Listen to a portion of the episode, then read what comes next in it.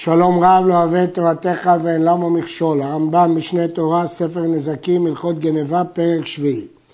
השוקל לחברו במשקלות חסרות מן המשקל שהסכימו עליו בני אותה המדינה, או המודד במידה חסרה מן המידה שהסכימו עליה, הרי זה עובר בלא תעשה, שנאמר לא תעשו עוול במשפט, במידה, במשקל ובמשואה. כמובן שאת קביעת המידות והמשקלות קובעים אנשי המדינה, אבל אחרי שקבעו, אם מישהו משתמש במשקל חסר, הוא מרמה והוא עובר על הלאו שלא תעשו עוול. אף על פי שהמודד או השוקל חסר גונב, כי הרי בגלל שהוא שקל חסר הוא קיבל יותר כסף על פחות סחורה, אינו משלם תשלומי כפל, אלא משלם לו המידה או המשקל. זה לא שם גנב של תשלומי כפל שהוא גנב מתוך ביתו, אלא זה סוג אחר של גניבה ואין בזה תשלומי כפל. ואין לוקים עליו זה, למרות שהוא לאו לא תעשו עוול, מפני שהוא חייב בתשלומים. ולמדנו כל המשלם אינו לוקה. כל מי שמשהה בביתו, לא רק שהוא עשה סחורה במשקולת גנובה, אלא הוא השהה אותה בביתו. כל מי שמשהה בביתו ובחנותו מידה חסרה או משקל חסר עובר בלא תעשה. אפילו שהוא לא עשה בזה שימוש. שנאמר לא יהיה לך בכיסך אבן ואבן, אפילו אל תחזיק אצלך.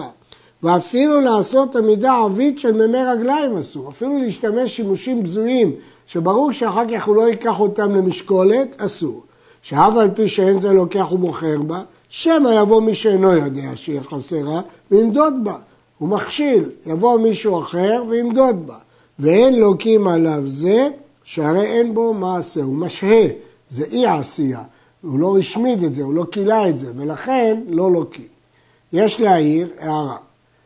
יש אה, ששואלים האם מצינו בתורה מצוות שהן סייג. בדרבנן מצינו, עשו משמרת למשמרתי, אבל האם בתורה עצמה? וישנם כמה דוגמאות כאלה. אה, יש אומרים שבל ייראה ובל יימצא זה סייג לאיסור אכילה, אבל שם אפשר להגיד שזה בגלל בל ייראה עצמו. יש אומרים שהאיסור לאכול חרצנים וזגים זה שמא ישתה יין. יש אומרים שקריבה לאריות זה שמא יגלה אריות. אבל פה יש לנו דוגמה בולטת מאוד שהרמב"ם אומר בפירוש שהטעם של הלאו שמא יבוא לשקול בה. הנה לנו שהתורה בעצמה אסרה לאו דאורייתא שכל כולו הוא סייג. היו המידות והמשקלות של לבני העיר חתומים בחותם ידוע, וזו המידה או משקל החסרים בלא חותם. הרי זה מותר לשעותם לשעת תשמישי הבית, כי כל אחד יחשוש להשתמש, כי יש איסור מהמלכות, וגם הקונה לא יסכים אם הוא יראה שהמשקולת לא חתומה, ולכן אין חשש שיבואו לשקול בה. כיוצא בזה, סלע שנפגמה מן הצד, לא יעשנה משקל בין משקלותיו, ולא יזרקנה בין גרותותיו, ולא יקבנה ויתלנה בצוואר בנו, שמא יבוא אחר ויעשה לה משקל מאותו טעם. אלא או ישחוק, או יחתוק, או יקוץ, או ישליך לים המלח, כדי שאף אחד לא יבוא להשתמש בזה בתור משקולת. חסרה ועמדה על מחצה, יקיים, כי עכשיו היא תהווה במקום אה, קילו, חצי קילו, אז זה גם משקולת. עמדה על פחות ממחצה, יקוץ, כי אין מידה כזאת. על יותר ממחצה יקוץ, שלא יבואו למדוד בזה משקל שלם, עד שעמידנה על מחצה. ואם לא חסרה, אלא פחות משטות, שזה דרך הטבע שהמתכות אז היו חסרות עם הזמן, יקיים לשאת ולתת בה, אבל לא למשקל.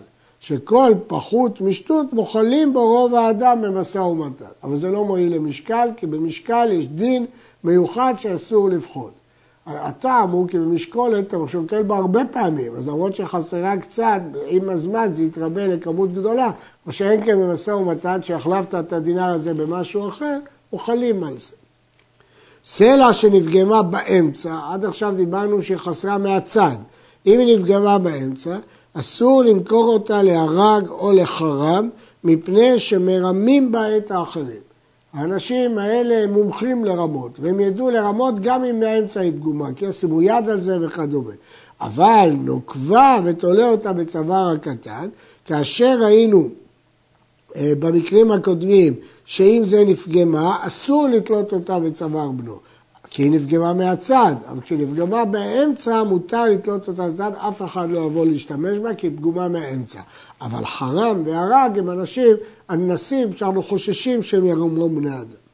עושה אדם מידותיו, שאה וחצי שאה ובי השאה, וקרא וחצי קרא ורובע הקרא, וחצי הרובע ושמין הרובע, שמינית הרובע. אבל לא יעשה קביים, שלא תתחלף ברובע השאה שהוא קו ומחצה. גם כשעושים מידות חוקיות, צריך להיזהר שלא יבואו לידי טעויות, ולכן יש הגבלה בסדרת המשקולות. וכן במידות הלך, עושה הין וחצי הין ובאית הין, ולוג וחצי לוג ובאית ושמינית ואחד משמונה בשמינית. ולא אסרו לעשות שלישית הין ורביעית הין, אף על פי שמתחלפים בהם, אז היינו צריכים לאסור. הואיל והיו במקדש ממות משה רבנו, אז השאירו את זה. אחד הנושא ונותן עם ישראל או עם הגוי עובד עבודה זרה. אם מדד או שקל בחסר עובר בלא תעשה, אפילו שהגוי עובר את עבודה זרה וחייב להחזיר, גם עובד בלא תעשה וגם חייב להחזיר. וכן אסור להטעות את הגויים בחשבון בכוונה, לא שהוא טעה לבד, אתה הטעית אותו, אלא ידקדק עמו, שנאמר, וחישב עם קונהו, מדובר שם בעבד יהודי שנמכר לגוי. אף על פי שהוא כבוש תחת ידיך, למרות שיהודים שולטים בגוי. קל וחומר לגוי שאינו כבוש תחת ידיך, והרי הוא אומר, כי תועבת השם אלוהיך כל עושה אלה, כל עושה עוול, מכל מקום, אפילו לגוי. המילה כל באה לרבות, אפילו לגויים.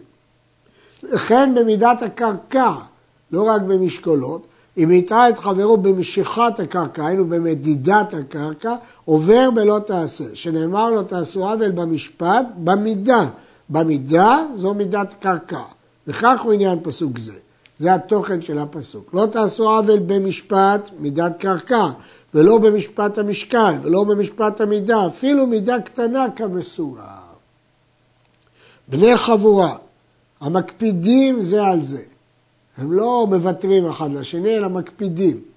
החליפו חלק וחלק, או לבא ממנו מאכל והחזיר לו, עוברים משום מידה ומשום משקל ומשום עניין.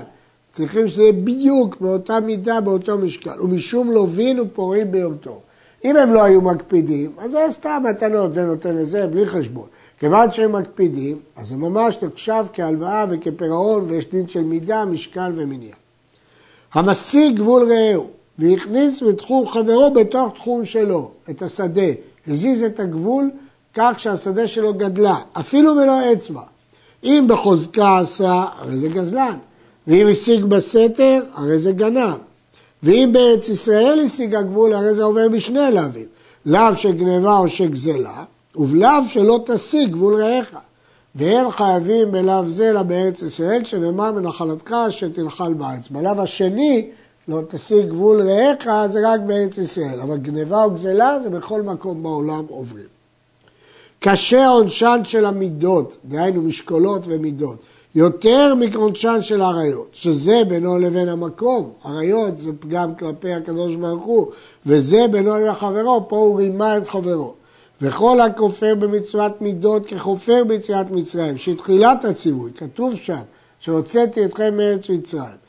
וכל המקבל עליו מצוות מידות, הרי זה מודה ביציאת מצרים שהיא גרמה לכל הציוויים. עד כאן.